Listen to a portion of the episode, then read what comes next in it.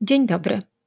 Pełną, opatrzoną ilustracjami wersję tego nagrania można zobaczyć na kanale Sztuka Subiektywnie w serwisie YouTube.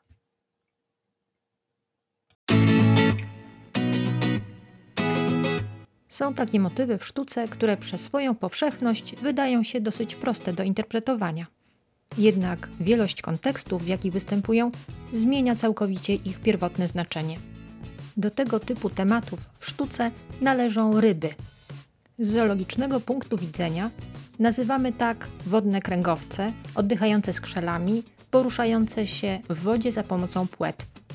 W wielowiekowej tradycji do tego grona zaliczają się wszystkie stworzenia mieszkające w oceanach, morzach, rzekach i jeziorach. Nic dziwnego, że rybą nazywano także ssaka, wieloryba oraz inne walenie, takie jak delfiny. Ryby od tysiącleci stanowiły źródło pokarmu, zachwycały różnorodnością form i kolorów. Zadziwiały człowieka, żyjąc w niedostępnym dla niego środowisku wodnym. Uwieczniane już w rytach i rysunkach naskalnych, traktowane były jako symbol początku, element morza, słońca, życia, nieśmiertelności, księżyca, obfitości, jednym z najbardziej znanych obiektów z czasów starożytnego Egiptu, pokazującym zainteresowanie światem przyrody podwodnej, jest malarskie przedstawienie z grobowca Nebamuna, powstałe około 1350 roku przed naszą erą i znajdujące się w zbiorach British Museum w Londynie. Głównym tematem przedstawienia jest polowanie na ptaki wśród mokradeł nad Nilem. Widzimy samego Nebamuna wpływowego wezyra i pisarza faraonów, który wraz z rodziną i służbą przemierza wody Nilu na niewielkiej łodzi. W dolnej części malowidła, jak przez szybę akwarium, widzimy przekrój rzecznej toni, która aż kipi od ryb. Malarz grobowca z niemalże realistyczną dokładnością oddał wielość gatunków, zauważył budowę poszczególnych ryb i układ ich łusek. Polowanie na Nilu jest metaforą dobrodziejstw tego świata, obfitości darów, które przynosi Nil i równocześnie zapowiedzią na przyszłe życie pozagrobowe dla samego Nebamuna. Choć dzieło nie ma prawidłowo skonstruowanej perspektywy, to układ pasowy w najlepszy sposób rekompensuje ten niedostatek, pokazując nam niedostępne dla ludzkiego oka światy, zamknięte taflą wody. Ryba jako symbol żywiołu przynależna była jako jeden z atrybutów Posejdonowi, greckiemu bogowi oceanów i mórz. Na pochodzącym z VI wieku przed naszą erą kylikście ozdobionym czerwonofigurowym przedstawieniem autorstwa Oltosa wyobrażony został mitologiczny Bóg, syn Kronosa i Rei, jeden z braci Hery Hadesa, Demeter i Zeusa, znany w starożytnym Rzymie jako Neptun – tektonika naczynia, czyli układ jego struktury i kolista czasza, narzuciły kompozycję w kole.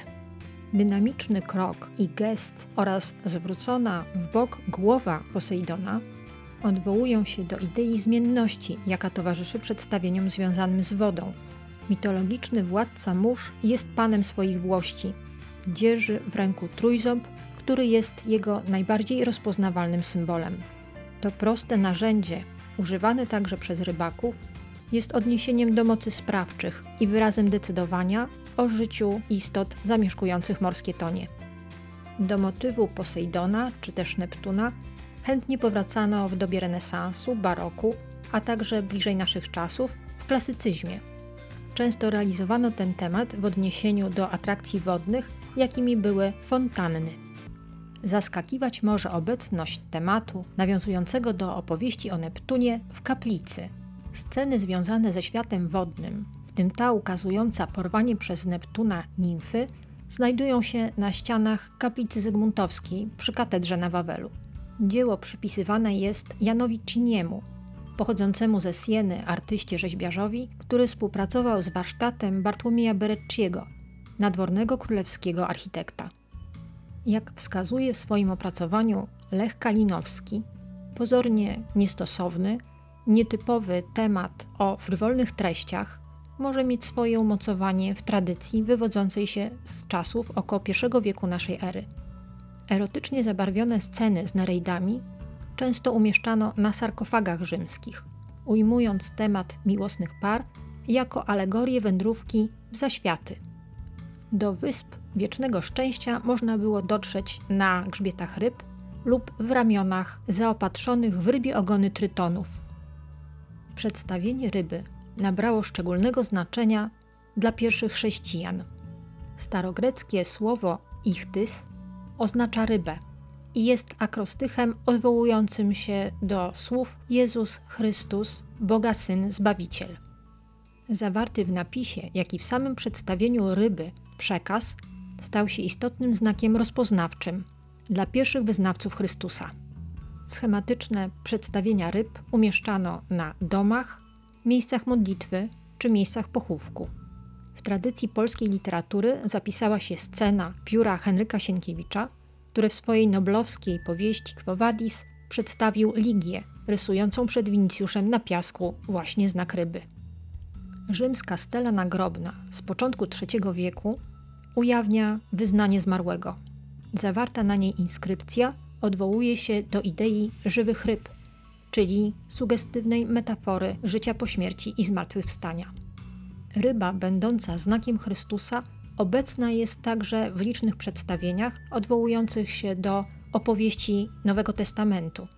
Dorotea Foster zwraca uwagę, że ryba w odniesieniu do chrześcijaństwa niesie w sobie cały szereg znaczeń, takich jak odwołanie do Eucharystii, ofiary, Bożej opatrzności, ale także pełni życia, płodności, szczęścia, trwania w łasce chrztu. Popularnym motywem wczesnego chrześcijaństwa było nawiązanie do jednego z cudów, jakich Jezus dokonał podczas swojej działalności w Galilei. Wszystkie cztery kanoniczne Ewangelie wspominają o cudownym rozmnożeniu pięciu chlebów i dwóch ryb, którymi nakarmiono pięć tysięcy mężczyzn, kobiet i dzieci. Wymiar katechetyczny przekazu stał się inspiracją dla licznych mozaik i malowideł zdobiących miejsca modlitewne pierwszych chrześcijan. Fresk nawiązujący do motywu eucharystycznego znajduje się w rzymskich katakumbach świętego Kaliksta. Widzimy na nim proste, malarskie, ujęte w kontur przedstawienie, na którym znajduje się wiklinowy kosz z chlebem i ryby. Biblijny motyw ryby obecny jest także w Starym Testamencie, księdze Jonasza. Sugestywną dla artystów była opowieść o proroku izraelskim, który poniósł karę, przeciwstawiając się Bogu. Wbrew Bożym zaleceniom, Jonasz nie chciał udać się do Niniwy, aby tam nawracać mieszkańców Asyrii. Wsiadł na statek w przeciwnym kierunku. Wtedy rozpętała się burza. Kiedy Jonasz zrozumiał, że jest ona Bożą karą, polecił wyrzucić siebie za burtę. Wody ucichły, a Jonasza połknęła wielka ryba. Przebywał w jej brzuchu przez trzy dni i trzy noce. Wypluty z jej wnętrzności na brzeg, rozpoczął swoją misję. W dobie średniowiecza często sięgano do przedstawień związanych z Jonaszem, ponieważ kryły one w sobie pełną egzotykę i fascynowały grozą wydarzeń. Sięgano chętnie po moment najbardziej dynamiczny, w którym współpasażerowie wrzucają Jonasza do wody, a ten połykany jest przez wielkiego wodnego stwora. Szkicowa, wykonana piórkiem i temperą niewielka iluminacja pochodzi ze Speculum Humane Salvationis, późnośredniowiecznego dzieła zawierającego teksty i komentarze objaśniające treść Biblii. Przedstawienie Jonasza odnajdujemy na sklepieniu kaplicy sykstyńskiej. U progu wieku XVI na zlecenie papieża Juliusza II Michał Anioł wykonał dekoracje freskowe na ogromnej powierzchni prawie 460 m2. Program ikonograficzny sklepienia obejmował sceny ze Starego Testamentu oraz przedstawienia proroków i Sybilli. Cała koncepcja polegała na zapowiedzi zbawienia w scenach Nowego Testamentu namalowanych na ścianach bocznych. Prorok Jonasz umieszczony jest tuż nad ścianą ołtarzową, która zawiera scenę sądu ostatecznego. Zleceniodawca, jak i twórca dzieła w dobitny sposób chcieli wskazać na analogię między Jonaszem, trzy dni przebywającym w brzuchu ryby, a Chrystusem, który zmartwychwstał w trzecim dniu po śmierci. Michał Anioł posłużył się iluzją przestrzeni, zbudował sugestywny, płytki kadr, w którym widzimy siedzącą na krawędzi muru lub niewielkiej łodzi męską postać. Przedstawieniu proroka towarzyszy wielka ryba. Jonasz unosi głowę wysoko ku górze, wydaje się rozmawiać z samym Bogiem. Zadaje pytanie, czy aby na pewno musi płynąć do Niniwy. Interesująca kompozycja, ciekawe i nietypowe ustawienia postaci oraz rozmach, w jakim Michał Anioł wykonał swoje wielkie dzieło, zachwycają widzów od wielu pokoleń. Stworzenia morskie znalazły swoje miejsce w średniowiecznych bestiariuszach. Wspominałam już o nich w odcinku poświęconym owadom i pajęczakom. Prezentowany przykład pochodzi z XIV-wiecznej niderlandzkiej encyklopedii.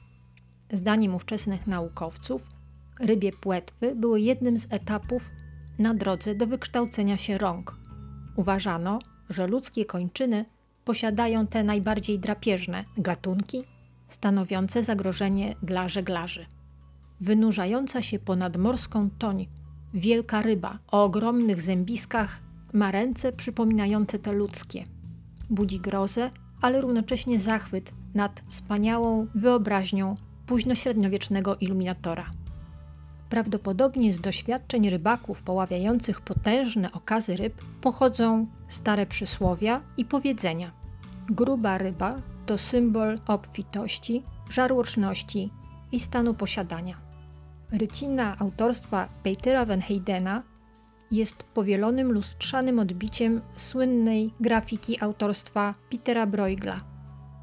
Ta zawierająca realistyczne, jak i fantastyczne elementy opowieść o rybołówstwie znalazła szerokie grono odbiorców zarówno we Flandrii, jak i w Niderlandach.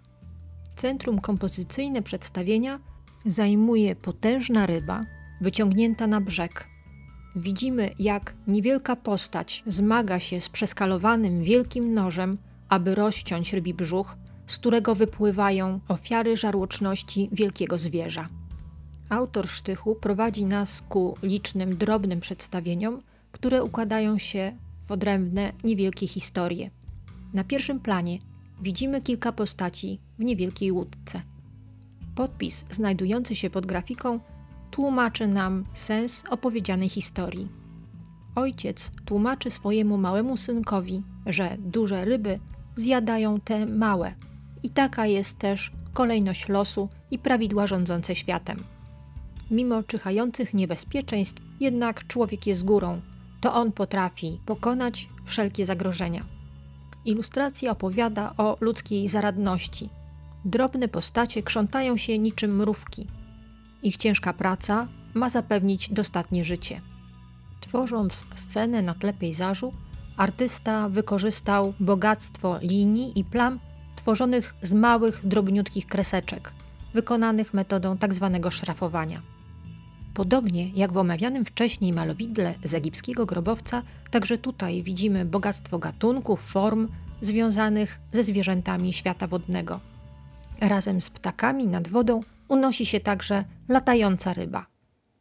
Ryba drapieżna, obfita i tłusta to motyw, który odnajdujemy wzdłuż brzegów Tamizy w Londynie. Dekoracje z przedstawieniami morskich stworzeń powstały według projektu architekta tworzącego w latach 60. XIX wieku George'a Johna Williamiego.